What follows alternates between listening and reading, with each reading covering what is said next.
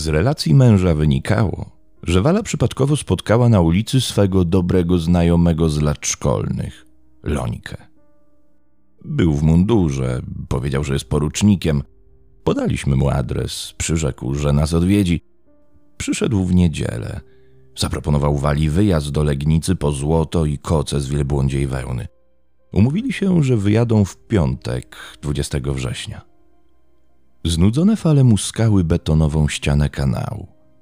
Promienie słońca nieśmiało przebijały się przez wrześniowe chmury, by choć przez chwilę mienić się blaskiem w szarej, zimnej odrze.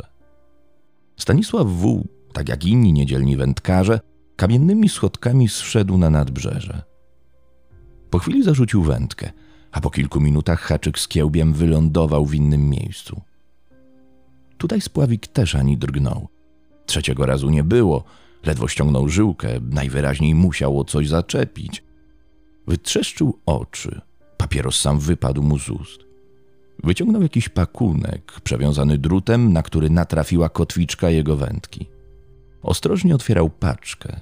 Dojrzał w niej głowę kobiety. Po jego telefonie do dyżurnego miasta zaroiło się od mundurowych, śledczych i techników kryminalistyki. Przyjechał komendant miejski i dyżurny prokurator. Padły pierwsze polecenia, decyzje, dyspozycje. Stanisław W. przez dobrych parę chwil znajdował się w centrum zainteresowania. Wiedział, że tego poranka długo nie zapomni, bo jak tu zapomnieć, kiedy o poranku, który złapał na haczyk, przerażająca wiadomość pędziła galopem w miasto. O Niebuszewie znowu było głośno. I tylko o tym rozmawiano, bo i o czym innym tu rozprawiać. O tym, że balon Syrena w czasie pokazów zerwał się z uwięzi, a rolnicy z Izdebna pocięli go na potrzebne im w obejściu kawałki? Czy o tym, że z łowiska Morza Północnego dostarczono 33 tysiące beczek śledzi? Ile osób zainteresuje to, że studentom Wyższej Szkoły Rolniczej w Szczecinie na czas nie wypłacono stypendium i nie mają za co kupić obiadów? Lub to, że w domu narzeczonej w Szczecinie dąbił Stanisław bawił się petardą do czasu, aż wybuchła i rozszarpała mu prawą rękę. Funkcjonariusze komisariatu portowego, przeczesując dno kanału strażackimi bosakami, natrafili na drugą walizkę, w której znajdowały się nogi oraz naga dolna część tułowia.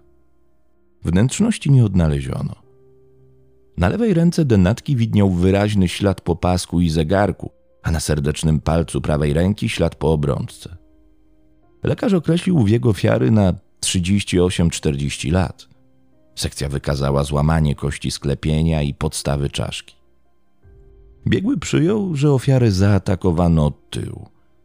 Siniaki na lewym ramieniu mogły świadczyć, że oprawca uchwycił ją za lewe przedramię, a prawą zadawał ciosy.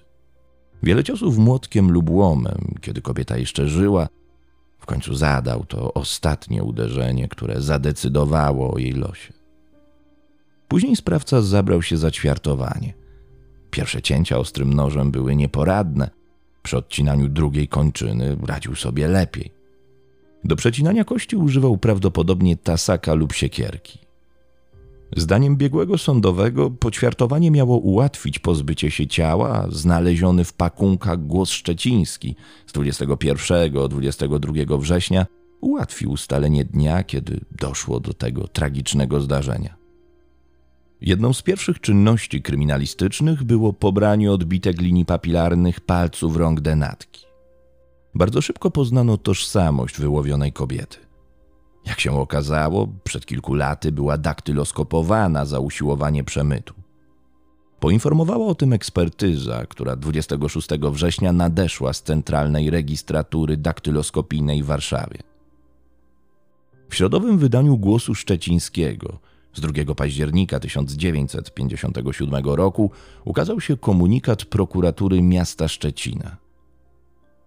W związku z morderstwem Walentyny Mazur, zamieszkałej w Szczecinie przy ulicy Rewolucji Październikowej 22, której ciało sprawca poćwiartował i w celu ukrycia śladów zatopił w kanale Odry przy ulicy Vasco da Gama, krążą w naszym mieście najbardziej fantastyczne plotki – nie znajdujące uzasadnienia w dotychczas uzyskanych materiałach śledztwa prowadzonego wspólnie przez Komendę Miejską MO i Prokuraturę Miasta Szczecina.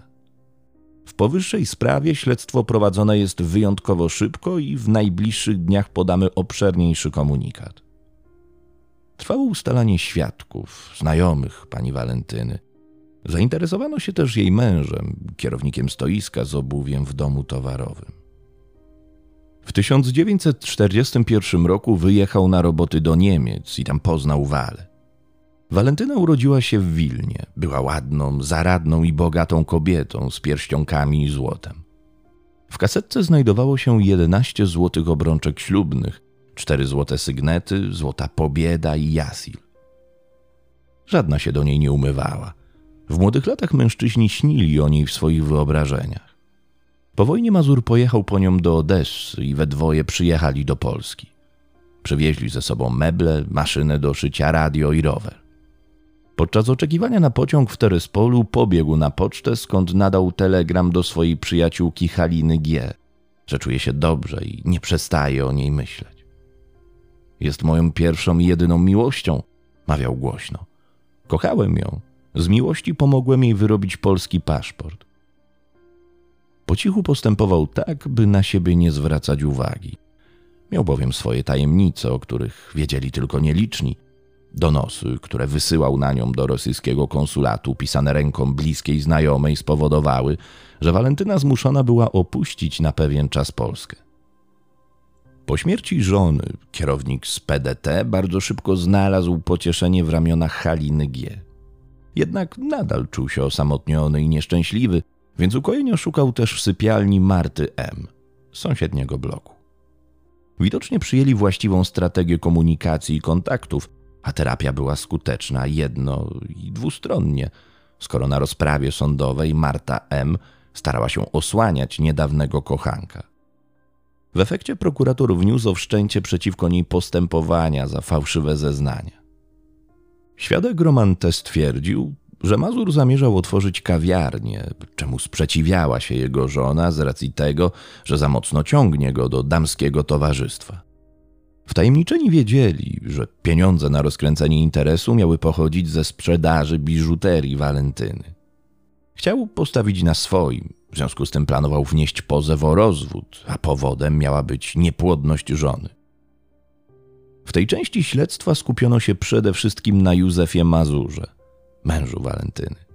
Wiadomo było, że w najbliższym czasie musi dojść do spotkania śledczych z wdowcem.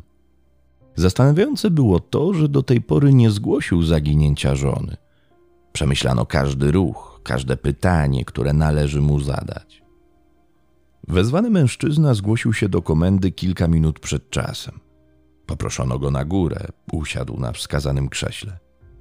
Patrzył przed siebie, czekał.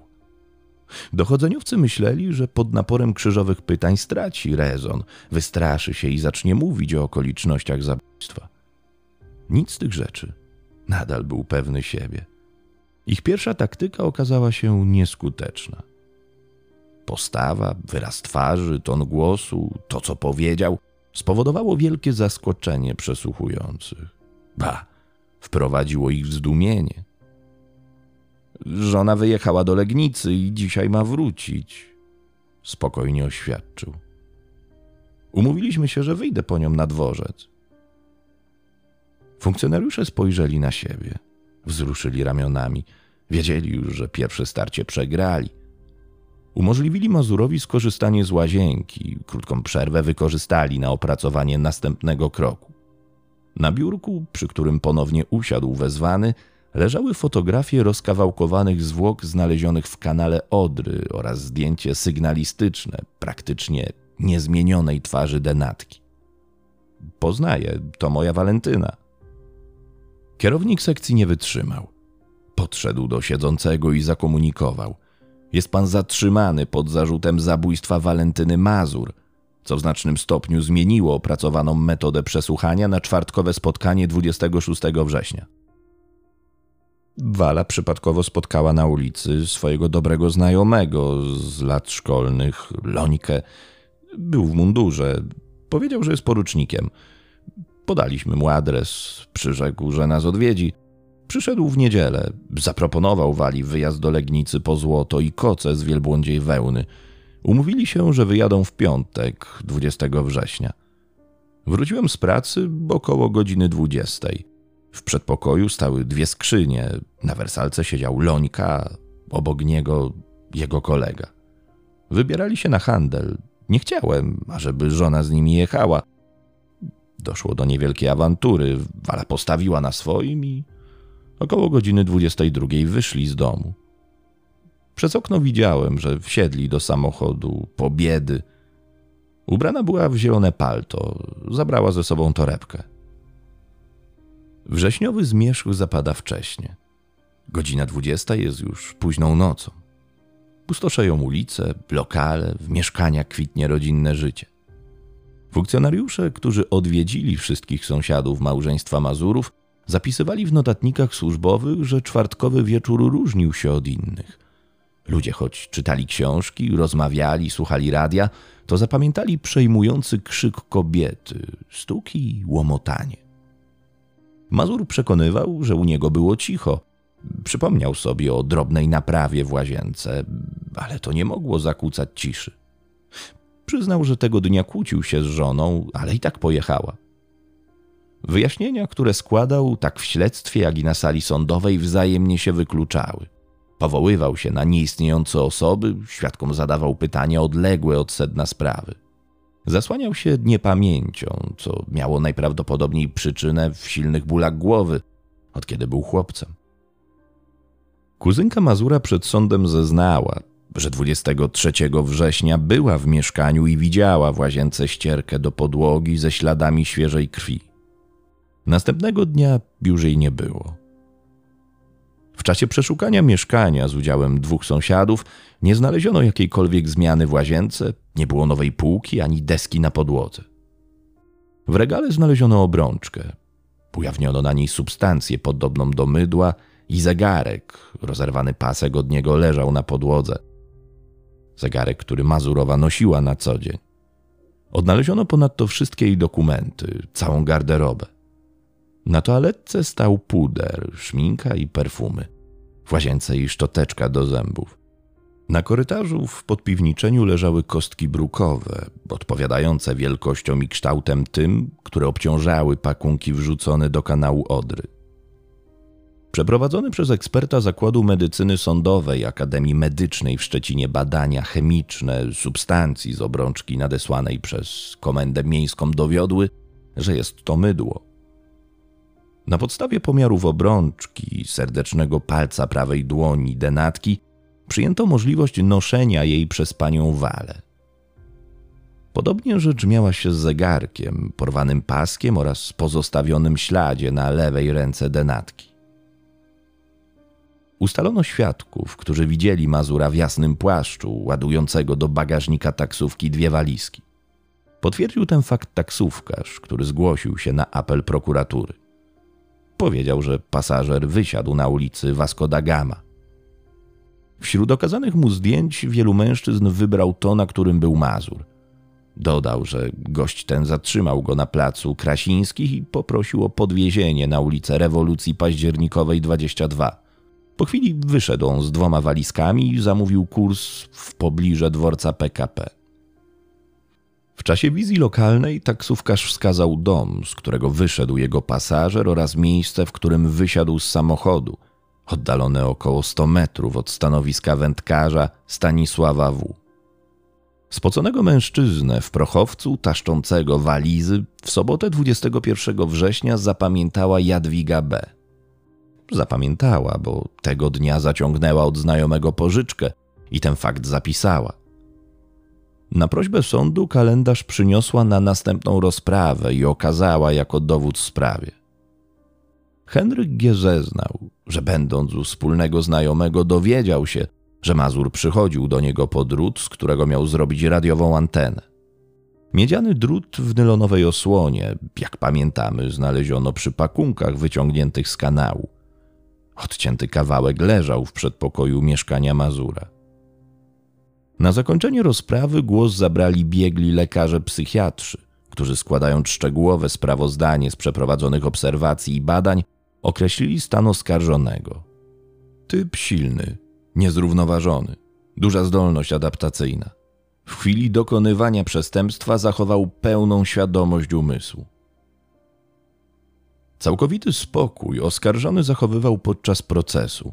Spontanicznie zareagował na wystąpienie prokuratora, który w swojej długiej mowie oskarżycielskiej stwierdził: Jedynym człowiekiem, który mógł i miał powody odebrać życie Mazurowej, to oskarżony Józef Mazur, jej mąż. Oskarżyciel publiczny zażądał dla Mazura kary S. Obrońcy wnosili o uniewinnienie. Wyrok zapadł 15 września 1958 roku o godzinie 19. Sąd wojewódzki w Szczecinie uznał Józefa Mazura za winnego, tym samym przystając na żądania oskarżyciela. Sąd w uzasadnieniu wyroku zaznaczył, że choć proces był poszlakowy, to sprawcę zbrodni ustalono na podstawie dowodów rzeczowych, zeznań świadków i wykrętnych wyjaśnień oskarżonego. Ustalono, że skazany spowodował śmierć swojej żony, uderzając ją kilkakrotnie tępym narzędziem w głowę. Następnie ciało jej poćwiartował i wyniósł z mieszkania w celu ukrycia. Jednym znajomym powiedział, że Wala wyjechała za granicę kupić mu Moskwicza, innym, że do Legnicy.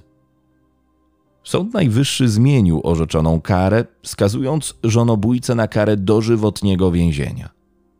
W 1964 roku, po sześciu latach odsiadki, Józef Mazur przypomniał sobie nie tyle o żonie, co o jej pierścionkach i postanowił o nie zawalczyć. Wpadł na pomysł wniesienia powództwa cywilnego o spadek po Walentynie Mazur. To wszystko na dziś, moi drodzy. Jerzy Kirzyński opracował teksty do dzisiejszego odcinka, a całość powstała przy współpracy z magazynem Detektyw. Dla tych wszystkich najwierniejszych słuchaczy, którzy dotrwali do końca, czyli dla ciebie, e, taka informacja, no, odcinki ostatnio nie pojawiają się zbyt często. Bardzo was za to przepraszam, ale w moim życiu dość dużo ostatnio się dzieje. Do tego y, złamałem dłoń i mam ją w takiej ortezie, lewą rękę.